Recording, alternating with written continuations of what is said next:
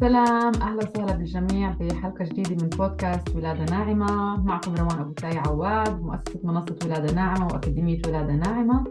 ومدربة هيبنو بيردي كالعادة كيف عودناكم في بعض الحلقات رح نستضيف مختصين ومختصات من مجالات مختلفة لحتى نحكي عن الحمل والولادة من جميع المجالات لأنه بهمنا نحكي عن الولادة الشمولية والوعي ونغطي لكم أغلب المواضيع اللي بتهمكم وبتقلقكم. ف... فلأنه كثير بهمنا شو آه شو بتفكروا. بهمنا كثير ما ضلكم خايفات خلال حملكم وتفوتوا على الولادة بثقة أكبر. جبنا لكم اليوم مختصة رح تحكي عن أكثر المواضيع قلقا وخوفا وتوترا للحوامل. وهو موضوع شق العجان. ضيفتنا اليوم آه، ضيفة عزيزة كثير علي. هي أول إنسان بعرفه بالعالم العربي كان يدرب hypnobirthing كنت كثير سعيدة أعرف إنه في يا الله عرب عم يشتغلوا بهذا المجال وعم ينشروا هذا الوعي وعم يشتغلوا مع النساء لحتى يجهزوهن للولادة بشكل سليم. ضيفتنا اليوم هي لنا منصور معالجة فيزيائية مختصة بأرضية الحوض وصحة المرأة وتحضير للولادة حسب تقنية ال hypnobirthing هي الولادة بالتنويم الإيحائي هاي لنا كيفك؟ سهلة أهلا روان. كيفك؟ لأنك كنت اليوم ضيفتنا في البودكاست وكثير بشكرك على قبولك الاستضافة وكثير بهمني أعرف منك كثير معلومات. طبعا اليوم اخترنا شق العجان بس فينا نحكي عن كثير مواضيع بتهم صحة المرأة والحامل. وطبعا كل موضوع من المواضيع اللي إحنا حكينا عنها هي حلقة بحد ذاتها. صحيح. فاليوم بس رح نركز عن العجان صح؟ مزبوط. اللي هو موضوع كبير وفي كيف ما ذكرتي حواليه كثير آه، مخاوف وتساؤلات و وشغلات اللي إحنا ممكن آه، ما تكون واضحة لنا وفي الجهة الثانية كمان شغلات اللي ممكن تساعدنا إنه نمتنع آه، عن شق العجان أو نقلل من احتمال شق العجان في الولادة. قد إيه بيصلك كتساؤلات أو نساء بتحكي معك عن موضوع شق العجان وهي كثير خايفة مثلا من الموضوع، قديش مقلق للنساء هذا الموضوع؟ واو كثير كثير روان. أول شيء موضوع شق العجان هو موضوع اللي بقلق آه، ومشغل بال كثير آه، من النساء الحوامل المقبلات على الولادة. وطبعا أنا ممكن آه، أفهم النساء وخوفهن وطبعا في له شرعية كبيرة هذا هذا الخوف. لأنه إحنا من على الغالب بنروح نولد في في المستشفيات وفي المستشفى إحنا ما عندنا سيطرة كاملة على شو بيصير في جسمنا أو كيف تكون سيرورة الولادة.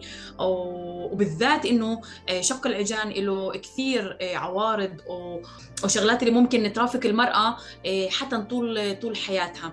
آه، فممكن أفهم الخوف آه، والتساؤلات اللي حوالين الموضوع هذا. وطبعا هذا موضوع اللي عن جد كثير حواليه تساؤلات. طبيعي جدا عن جد ومن حق النساء تخاف لأنه كمان ما بتبلش الوحده تحكي إنها هي حامل فبتجيها كل القصص والمواضيع حول شق العجان وهي يمكن مرات مش عارفة شو العجان بس تعرف للأسف. فتعالي نبدا نشرح لهم شو هو العجان ولهذا السؤال رح أشارك صورة فاللي بتابعنا آه، عن طريق البودكاست في كمان يشاهد الحلقة على اليوتيوب على صفحة ولادة ناعمة في اليوتيوب ويشوف الصورة اللي رح نشاركها. هي حلو. حلو. اولا بداية منطقة العجان هي عمليا المنطقة كيف ما إحنا شايفين في الصورة هي المنطقة اللي بين فتحة المهبل وبين فتحة الشرج اللي هي عمليا القسم من الطبقة السطحية لمنطقة أرضية الحوض. طبعا منطقة أرضية الحوض أو قاع الحوض هي آه، منطقة اللي, آه، اللي مكونة من عدة طبقات عضلات. وخلينا نقول آه، منطقة العجان هي قسم من الطبقة السطحية لارضيه أرضية الحوض. تمام؟ آه، طبعا هاي المنطقة هي مش بس عضلات في عضلات في أنسجة في آه، أعصاب أوعية دموية اللي بتمرق من المنطقة. آه، هي منطقة كثير مهمة. ليه؟ لأنه هي عمليا بتربط بين القسم الأمامي من منطقة العجان من منطقة أرضية الحوض للقسم الخلفي من منطقة أرضية الحوض. وطبعا هي بتوصل كمان المنطقة هاي كمان بتوصل خلينا نقول في الصمام الخارجي لفتحة الشرج. فهي عن جد منطقة اللي, اللي حية فيها حركة فيها حياة فيها حيوية.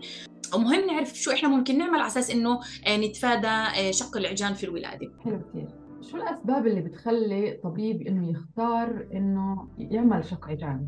مهم إلي بداية أذكر روان إنه عمليا هاي المنطقة أو هاي هاي العضلات من جسمنا عندها القدرة على الاسترخاء تمام والتمدد وكمان عندها القدرة على الانقباض. طبعا هاي القدرة أو الخاصية مميزة كثير لهذه المنطقة لأنه يمكن هذه المنطقة الوحيدة اللي في جسمنا عندها هاي القدرة أو الخاصية إنها تتمدد وتزيد طولها أو مساحتها في عشرات المرات. اللي طبعا هذا الخاصية مش موجودة في محل ثاني آه، في جسمنا. فعمليا آه، مهم نتذكر إنه كمان مرة نربط حالنا ونكون متواصلات مع جسمنا إنه جسمنا عنده القدرة آه، إنه يعمل شغله هو مبني ومعد معد للولادة. فمهم جدا تكون هذه الفكرة في راسنا من من البداية. بالنسبة لسؤالك شو الأسباب اللي ممكن تخلي الطواقم الطبية إنه تكون بشق العجان؟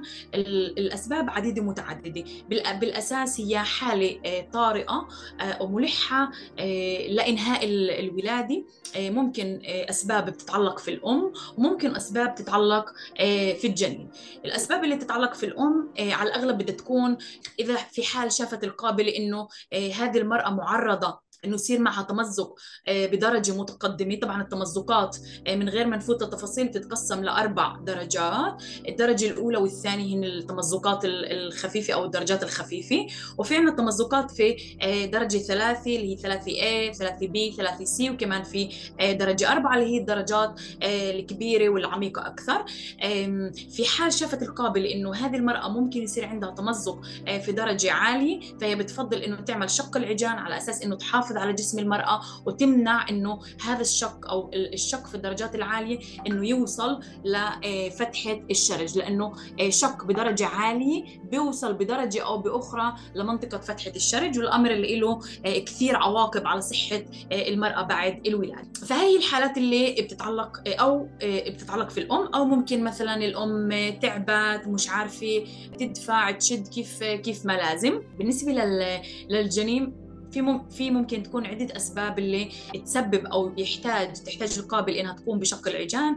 آه مثلا خلينا نقول آه نزول في نبض الجنين اللي هي حالة طارئة عادة القابلة بدها تنهي الولادة وتخلصها وتتأكد إنه الجنين آه، بصحه مليحة وما معها آه، وقت. آه، ممكن جنين بيكون بوزن كبير. خلينا نقول لنساء اللي مع بتعاني من سكري الحمل جنين فوق الأربعة كيلو يعد جنين بحجم كبير. اللي عادة النساء اللي بتعاني من سكري الحمل إحنا بنخاف في الولادة من إنه الكتف ما ما ما تطلع كيف كيف ما لازم. أو إيه، نساء اللي عم تولد جنين اللي هو إيه، ولادة عادية من غير سكري حمل ولكن وزن الجنين فوق الأربعة كيلو ونص. فهي كمان حالات اللي ممكن تضطر أو تحتاج إنه يقوموا بشق العجان. مهم جدا أذكر إنه هنا عادة عادة آه، عمليا شق العجان بصير لما الجنين بيكون آه، متقدم في قناة الولادة وموجود في آه، مرحلة الكراونينج أو مرحلة التتويج. فهو كثير قريب على منطقة أرضية الحوض نهاية الولادة كثير قريبة. فبيكون عادة شق العجان بشكل مرتب ومنظم. على أساس إنه يحموا وينقذوا الأم والجنين. عم بيكون اليوم آه، شق العجان كإجراء روتيني. قديش الإشي خطير للأمهات قديش الإشي خطير أصلا على النظام الطبي نفسه ك... ك... كإجراء روتيني في سياسات عديد المستشفيات بالأخص في العالم العربي. هو عمليا حسب نصائح وزارة الصحة العالمية المفروض إنه ما يكون شق روتيني آه ولكن للأسف الشديد في في دول وفي في في بلدان اللي بعدنا بنشوف إنه الشق عن جد هو روتيني ومرات كثير الأسباب آه اللي إحنا ممكن نستغني عنها. شق العج يعني بيقترحوها بس إحنا نقدر نقول إنه فينا نتفادى هاي الحالة. يعني فينا نتفادى شق العجان اللي هو طبيبي بيعمل صحيح صحيح. أكيد فينا نتفادى شق العجان وبالذات الأضرار الكبيرة اللي ممكن آه، يسببها لجسم جسم المرأة عمليا. فإحنا آه، فينا فينا نتفادى وإحنا فينا نسأل كمان هل شق العجان آه، ضروري في المرحلة الحالية؟ هل ممكن أعمل شغله ثانية حاليا؟ لاتفادى ممكن نستنى. ممكن رح نذكر كمان كمان شغلات خلال الحلقة اللي إحنا ممكن نقوم فيها كمان خلال الحمل وكمان خلال الولادة اللي ممكن تساعدنا نتفادى. شق العجان. حلو كثير. طب كيف أنا آه، كحامل فيني أحافظ على العجان تبعي لحتى أولد بشكل سليم يكون جاهز للولادة وما أضطر إني أمر بشق عجان آه سؤال مليون دولار. أولا أنا بحب بالضبط. اولا أنا بحب أقسم آه، الأسباب أو خلينا أقول آه، نقسم آه، الشغلات اللي إحنا ممكن نقوم فيها لمرحلتين أو لوقتين. المرحلة الأولى هي خلال فترة الحمل. الشغلات اللي المرأة ممكن تقوم فيها كتحضير للمنطقة خلال فترة الحمل. والقسم الثاني هو عمليا الشغلات اللي إحنا ممكن نقوم فيها خلال الولادة. هات هات نبلش أول شيء في خلال الحمل. اولا خلال الحمل الشغلة الواضحة لأغلبنا هي عمليا مساج العجان. مساج العجان اللي إحنا بإمكاننا نبلش نقوم فيه من الأسبوع ال 35 وفوق عمليا حتى الولادة. بالأساس بالنسبة لي كمعالجة فيزيائية مختصة بأرضية الحوض عمليا مساج العجان هو كمان مشان يقلل من احتمال شق العجان. تمام؟ فهو عمليا بيحمى آه، جسم المرأة وبقلل آه، من الاحتمال إنه آه، تضطر توصل للتمزقات في الدرجات الخفيفة اللي هي الدرجة الأولى والدرجة الثانية. الدرجة الأولى إنه هو الجنين يطلع ممكن يجرحني أو يجرح المنطقة. والدرجة الثانية هي عمليا إنه القابل تقوم أو الطبيب يقوم بشق للمنطقة بشكل موجه. فمساج العجان بيساعدني إنه أقلل من هذه الإمكانية أو هاي الاحتمالية. عملوا هذا المساج. بالضبط. وكمان شغلي هو كمان بيساعدني إنه أتواصل مع المنطقة لأنه عمليا روان هي هاي المنطقة اللي عم تولد.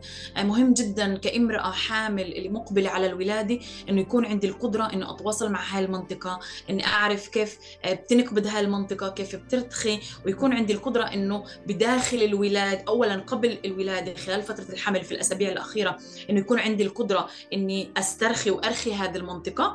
وفيما في اللاحق بعدها إنه يكون كمان في الولاده عندي القدرة إني أسترخي. فاولا مساج العجان. كمان شغلات اللي ممكن تساعدني إني أحافظ على المنطقة آه، خلال الولاده أو أمنع شق العجان اللي هي عمليا خلال طبعا الولاده بتبلش أسابيع قبل موعد الولاده عمليا اليوم اللي أنا بوصل فيه على المستشفى آه، هو يوم الولاده ولكن آه، سيرورة الولاده بتبلش أسابيع قبلها. فعمليا أنا ممكن أتخذ الوضعيات القائمة المنتصبة اللي كيف كيف ما بيكون الجنين منتصب آه، بداخل الحوض أو خلينا نقول بيكون في زاوية قائمة للارض كمان. أنا أستخدم هذه آه، الوضعيات خلال فترة الحمل بالذات في الأسابيع الأخيرة اللي هي خلينا نقول ال upright position اللي أكون فيها أنا آه، منتصبة على أساس إني أستغل قوه الجاذبية تساعد رأس الجنين ينزل مزبوط في قناة في قناة الولادة. كمان مهم أستخدم الوضعيات الغير متماثلة. الوضعيات الغير مت... خلينا نقول نحكي اولا شو هي الوضعيات المتماثلة. المتماثله الوضعيات المتماثلة اللي هي الوضعيات اللي فيها كفات اجريه بيكونوا آه، في نفس الوضعية. الوضعيات الغير متماثلة خلينا نقول هي اللي ممكن تكون كفة اجر واحدة لقدام والثانيه لورا آه، كفة اجر واحدة محطوطة على درجة والثانية على الأرض. كل هاي وضعيات غير آه، متماثلة من ناحية الحوض اللي هاي الوضعيات ممكن تزيد قطر الحوض من الداخل تقريبا لحتى 30% 30% كثير اللي إحنا ممكن نعمل مساحة وغرفه لابننا ولجنيننا آه، بداخل آه، بداخل الحوض. فكل ما عملنا له مساحة أكثر بداخل الحوض كل ما سهلنا عليه وعلى حالنا آه، وقت الولادة وقللنا من احتمال شق العجان. وطبعا شيء أساسي اللي هو الحركة. قد ما نقدر في الأسابيع الأخيرة إنه نكون في حركة تبع نمط حياة أو نظام حياة اللي فيه كثير حركة نحاول ندخل الحركة أقل نمط حياة اللي هو يكون أغلبه جلوس. وبالذات الجلوس اللي هيك بنكون بنكون آه، مش منتصبات. بالضبط آه، ماخذات ظهرنا لورا ومش منتصبات في الكرسي. كل هاي الشغلات لنساعد الجنين يفوت مزبوط في قناة الولادة وبالتالي بنسهل آه، عليه وعلينا وبنقلل من الاحتمال من شق العجان. كل هذه الشغلات ممكن إحنا نبلش نقوم فيها من الأسابيع في الأسابيع الأخيرة من الأسبوع ال 35 آه، فما فوق. طبعا إحنا ممكن كمان نقوم فيها قبل آه، ذلك بكثير. ما بتسبب لولاده مبكرة أو ما بتأثر على وقت أو سيرورة الولادة. ممتاز كثير معلومات جدا مهمة. بالنسبة لمساج العجان تدليك العجان. شو الخطوات اللي لازم لازم أتخذها لحتى أهيئ نفسي للتدليك نفسه. في كثير نساء ما عندها معرفة عن جد ما ما كانت متواصلة مع هاي المنطقة. يمكن ما بتعرف كيف شكلها ما بتعرف آه، من شو مكونة. يمكن بحياتها ما لمستها.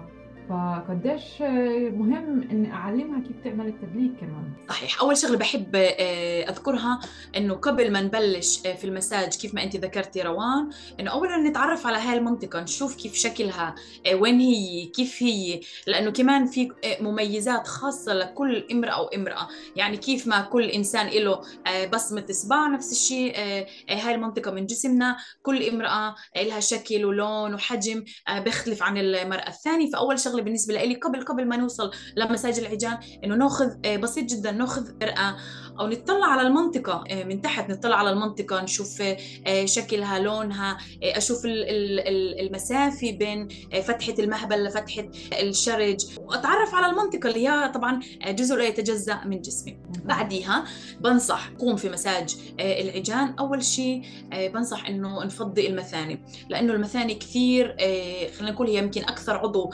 المثاني والرحم والمستقيم. المثاني هي أكثر عضو سطحي وقريب على منطقة قاع الحوض فعلشان ما تضايقنا خلال المساج بنصح إنه تفضوا المثاني نأخذ آه، دش أو حمام سخن لنساعد جسمنا يسترخي. أو آه بدي أفوت للوضع. طبعا أهيئ آه ظروف مناسبة وملائمة وأجواء حلوة ولطيفة للمساج. ممكن ضوء خافت آه ممكن روائح معينة اللي أنا بحبها موسيقى معينة اللي أنا بحبها عشان عن جد أشعر في الراحة وفي الاسترخاء. آه وطبعا بدي أفوت لوضعية اللي تكون مناسبة وملائمة لإلي. في حال المرأة بدها تقوم آه في المساج لحالها فبده يكون أو ممكن تقعد على طرف كرسي أو على طرف التخت أو ممكن تكون آه في وضعية آه، كفة إجر واحدة على كرسي والكفة الإجر الثانية على على الأرض ليكون سهل لإلي أوصل امرق أمر عن البطن وأوصل للمنطقة آه، من تحت. في البداية بداية آه، النصيحة إنه هي عمليا خلينا نقول المساج طبعا هو داخلي مش خارجي مش تدليك خارجي للمنطقة في الزيت فعمليا في البداية أنا ممكن بس أحط إصبع واحد. تمام؟ هي فتحة المهبل. أحط إصبع واحد يكون على الفتحة وأتنفس أفوت هواء أطلع هواء شهيق وزفير لحد ما أشعر إني أنا عن جد استرخيت. في حال شعرت إني استرخيت. عم عم عم تفرجي فيديو فاللي اللي عم يسمعنا بالبودكاست كمان فيه يروح على اليوتيوب ويشوف الفيديوز اللي كيف آه، فينا نعمل المساج. كملا فعمليا بنحط إصبعنا الإبهام على المنطقة على أسفل فتحة المهبل ونستنى على بين ما عن جد أنا أشعر إني أنا استرخيت. وبعديها ممكن أدخل اصبعي شوي شوي. عادة عادة المن...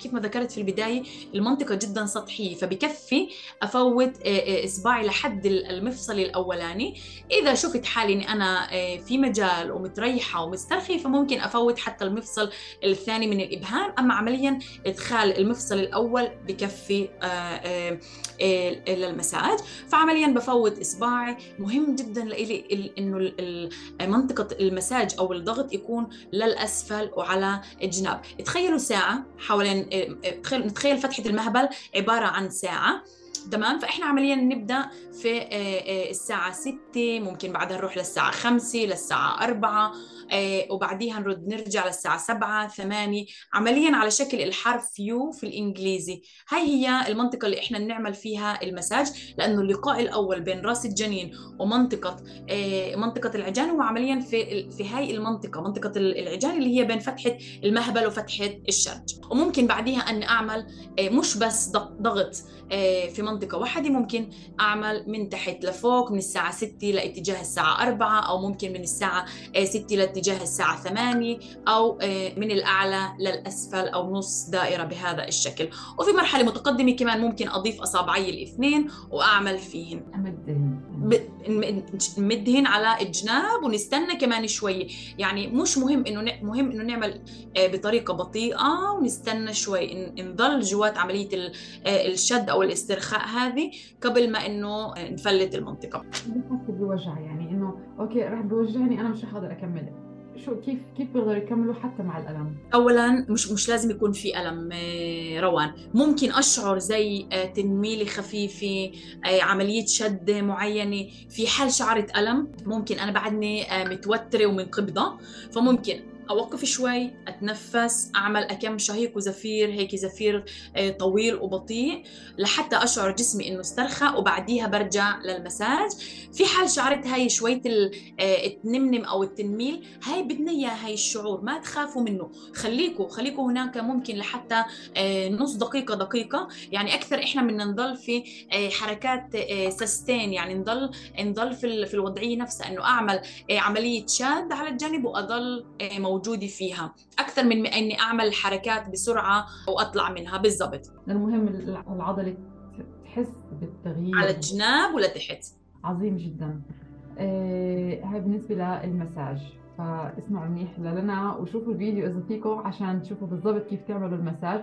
اي أي زيوت مفضل يستخدموها؟ كثير بيبعثوا لي مثلا هذا الزيت مسموح هذا الزيت مش مسموح. سؤال ممتاز في محله. الزيوت اللي ينصح في استعمالها طبعا آه، عادة عادة آه، زيت آه، زيت اللوز.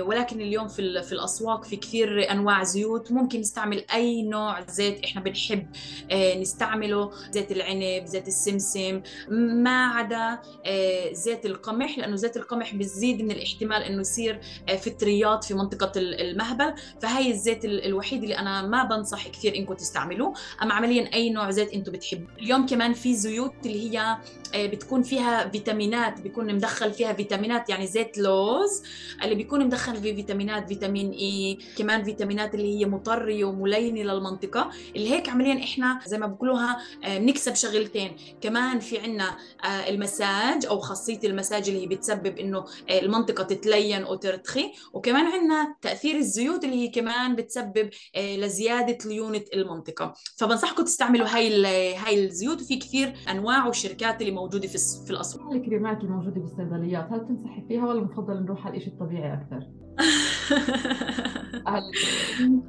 اولا الجلد جلدنا أو آه، الجلد هو بالنسبة لي آه، الرئة الثالثة. كيف معنا رئتين ثنتين في جسمنا؟ الجلد هو عمليا الرئة الثالثة آه، عضو اللي هو بشكل مساحة كبيرة من جسمنا. فأنا دائما دائما دائما بفضل وبنصحكم إنه تروحوا على الشغلات الطبيعية لانها هي بالذات خلال فترة الحمل بتكون مفيدة أكثر وبتكون آمنة أكثر من ناحية الجسم. فبنصحكم بالشغلات الطبيعية أكثر أو بالزيوت الطبيعية أكثر.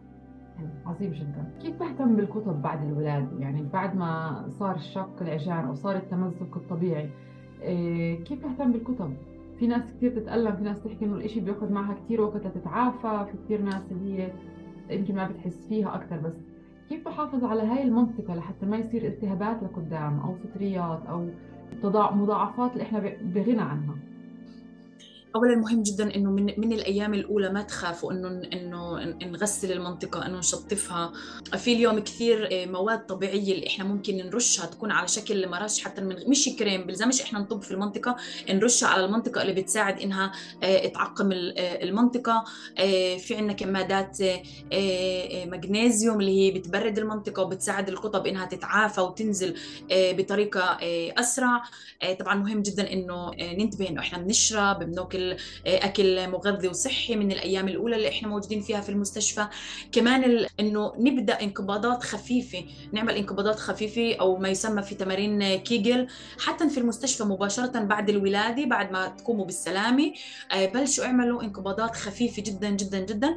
هدف الانقباضات هاي إنه منطقة منطقة آه، قاع الحوض وبالذات منطقة العجان وبالذات إذا بيكون فيها قطب آه، وجروح بتكون منفخة بيكون بيكون فيها ألم آه، وجع. فعمليا هاي الانقباضات الخفيفة بتساعد إنه آه، تزيد جريان الدم آه، للمنطقة وبالتالي بتساعد على شفاء وتعافي هذه المنطقة وكمان إنه كل العوارض الثانية تخف من تنفخات من أوجاع كل كل العوارض الأقل حلوة ولذيذة بعد الولادة. حلو كثير سؤال أخير بعرف إنه هذا السؤال رح يكون موضوع حلقة لحاله. بس بدنا نحكي عنه لأنه شوي النساء آه، عندها تعال نقول آه، تخوف كثير كبير من توسع المنطقة توسع المهبل. كيف أنا بحافظ على الإشي قبل الولادة بحضر نفسي وكيف بعد الولادة؟ يعني باختصار مش شرط نتوسع أكثر من الولاده صحيح هو عمليا بحد ذاته موضوع كبير وكثير واسع. آه، ولكن ممكن أحكي إنه عمليا نهتم ونحافظ إنه نقوي المنطقة خلال فترة الحمل. عن طريق إنه آه، الانقباضات آه، خاصة لمنطقة أرضية الحوض إنه نقوي كل منطقة الحوض آه، لأنه كمان هاي العضلات ما بتشتغل لحالها هي عمليا بتشتغل مع عضلات البطن مع عضلات الظهر مع عضلات مفصل الفخذي فنقوي كل منطقة الحوض بالذات عضلات أرضية أو قاع الحوض خلال الحمل. كل ما نقرب على الولادة إحنا عمليا آه، بدنا الشغله العكسيه إنه إحنا بدنا نتعلم نرخي آه، هذه المنطقة عن طريق الشغلات اللي حكيناها التنفس المساج وكل هاي الشغلات هاي خلال فترة الحمل.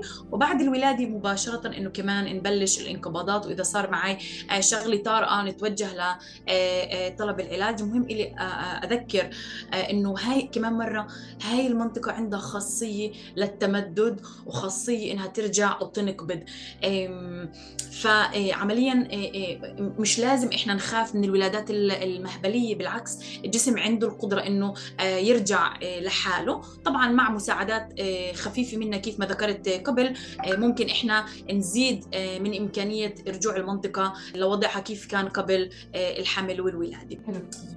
روان بدي أضيف كمان شغلة. ذكرت إنه كمان في شغلات اللي إحنا كمان ممكن نعملها في الولادة لنقلل من احتمال شق العجان. كثير مهم آه كثير مهم كثير كمان. أوكي إحنا موجودين في الولادة حاليا يمكن ما جهزت المرأة كمان ما جهزت منطقة العجان. كيف فينا نتفادى الشق أو التمزق أول شيء دونت وري في كمان شغلات اللي إحنا حتى لو ما تجهزتي قبل قبل الولادة كمان في شغلات مهمة جدا ممكن نكون فيها في الولادة اللي ممكن آه، تساعدنا. أول شغلة وهي أكثر شغلة آه، أساسية اللي هي النفس. النفس بطريقة آه، مضبوطة وصحيحة. طبعا إذا المرأة كانت في ولادة طبيعية اللي آه، آه، ممكن تتنفس حسب آه، فطرتها بلزمش إحنا هاي الدفع الموجه في المرحلة الثانية من الولادة. المرحلة الثانية هي عمليا للي ما بيعرف عمليا من ما المرأة توصل لفتحة كاملة فتحة عشرة. عنق الرحم يكون ممحي بالكامل. عمليا هي هناك بتبلش المرحلة الثانية. ففي المرحلة الثانية مش بالضرورة يكون دفع موجه إنه أخذ هواء أحبس الهواء وأضغط لتحت. وإنما ممكن المرأة تتنفس عن جد حسب حدثها وحسب شو جسمها بطلب منها إنها آه، تتنفس أو تتحرك. هاي الشغلة الأولى. وفي حال المرأة آه، كانت تحت تأثير آه، إبرة الإبيدورال أو ما كانت شاعرة في في الطلق وفي الموجات كيف ما لازم فنصيحتي هي إنه التشديد يكون على الزفير ومش على الشهيق. إنه ناخذ نصف شهيق وإنه نطلع آه، زفير بشكل متواصل وبطيء وهادي. عمليا إخراج الهواء بيساعدنا إنه نرفع الحجاب الحاجز لفوق وكمان معاه ترفع أرضية الحوض لأنه هن بيشتغلوا مع بعض. لما أنا أخذ هواء عمليا الحجاب الحاجز بينزل ومعاه أرضية الحوض. أنا آه، بطلع هواء بطلع زفير بيطلع الحجاب الحاجز ومعاه كمان بتدعمه أرضية الحوض.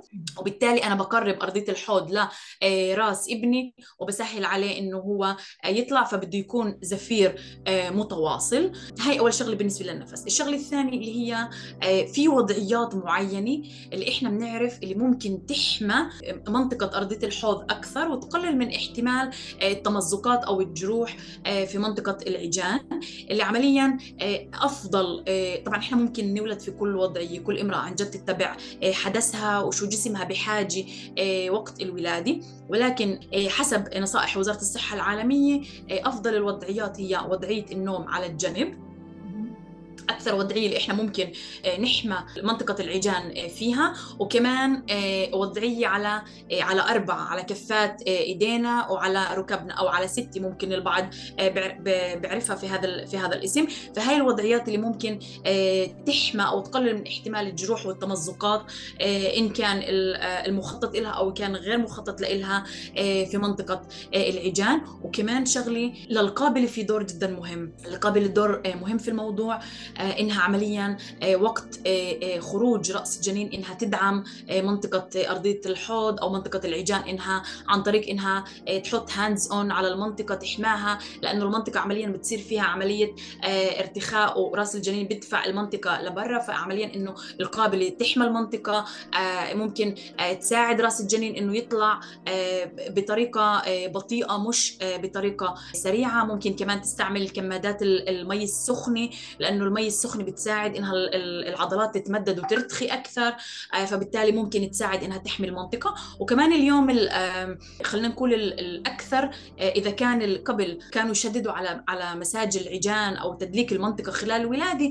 اليوم في طريقة اللي هي جديدة أكثر إنه نقلل من المساج في المنطقة لأنه المنطقة بتكون كثير حساسة. فأنا اذا كقابلة بتقعد تعمل مساج ممكن هي تزيد من احتمال الجروح وإن المرأة تضطر إنها تتقطب فمش بالضرورة إنه المساج ينعمل وقت الولادة مهم اعمله قبل الولادة. وقت الولادة حسب الحاجة بتشوف القابل إذا في حاجة أو ما في حاجة. طبعا كمان شغله الحركة. نهتم إنه مش مهم الطريقة اللي أنا بولد فيها مع مع ابيدورال من غير ابيدورال إن حتى لو حركتنا محدودة أو غير محدودة أنتبه إنه أتحرك طول وقت الولادة. ما نروح ننام على ظهرنا ونستنى من الطواقم الطبيه إنها تولدنا. إنه ناخذ جزء فعال في ولادتنا ومسؤول ونكون مسؤولات عن ولادتنا وعن جسمنا وعن ولادة ابننا. حلو كثير حلو كثير لنا عن جد شكرا كثير على كل المعلومات المهمة بتخلي النساء بحاجة تسمعها. إيه، إيش في عندك رسالة أخيرة للنساء قبل ما ننهي؟ رسالة أخيرة لكل النساء اللي عم بيسمعونا وبيتابعونا في في البودكاست وفي هذه الحلقة إنه إيه، رسالتي لك إنه آمنوا في جسمكم آمنوا في قدرته على الولادة جسمنا معد آه، ومصنوع إنه يقدر آه، يولد. فحطوا هاي الشغلة في راسكم في عقلكم في قلبكم إنه جسمنا بيعرف يولد. إن كان حضرت حالي وإن كان ما حضرت حالي الولاده هي شغلة بالفطرة. ولكن طبعا أنا كل ما أحضر حالي كل ما أزيد احتمال إني أوصل للولاده اللي أنا بدي إياها. فآمنوا في حالكم حضروا حالكم ثقفوا حالكم وإن شاء الله تكون للجميع ولادات إيجابية مقوية. لأنه إحنا كمان بنولد. كل ولادة تنولد أم جديدة وتنولد امرأة جديدة. إيه لنا عن جد شكرا كثير إيه لحتى تتابعوا لنا على الإنستغرام إيه رح نحط تفاصيل حسابها في وصف الحلقة. وما تنسوا تتابعوا بودكاست ولادة نعم على جميع المنصات. اعملوا لنا فولو اعملوا لنا ريت حلو وشاركونا بتعليقاتكم على الحلقة. وفيكم تتابعونا على اليوتيوب كمان على قناة ولادة ناعمة. وما تنسوا تفوتوا على موقع الأكاديمية لحتى تشوفوا المعلومات والكورسات الجديدة والتأملات آه، على www.softsurfacademy.com وبنحب كثير كثير نسمع آرائكم. أنا ولنا على الحلقة. إيش استفدتوا؟ آه، أي مواضيع أخرى بتحبوا نحكي فيها؟ لأنه أنا ولنا أكيد رح نكون عندنا حلقات أخرى. آه، حول مواضيع كثير بتخص صحة المرأة والحامل. وشكرا لإستماعكم. وبتمنى لكم نهار سعيد. شكرا كثير لنا. يعطيك ألف عافية. عفوا يعطيك العافية روان. وإلى اللقاء في حلقة جديدة. سلامات. باي باي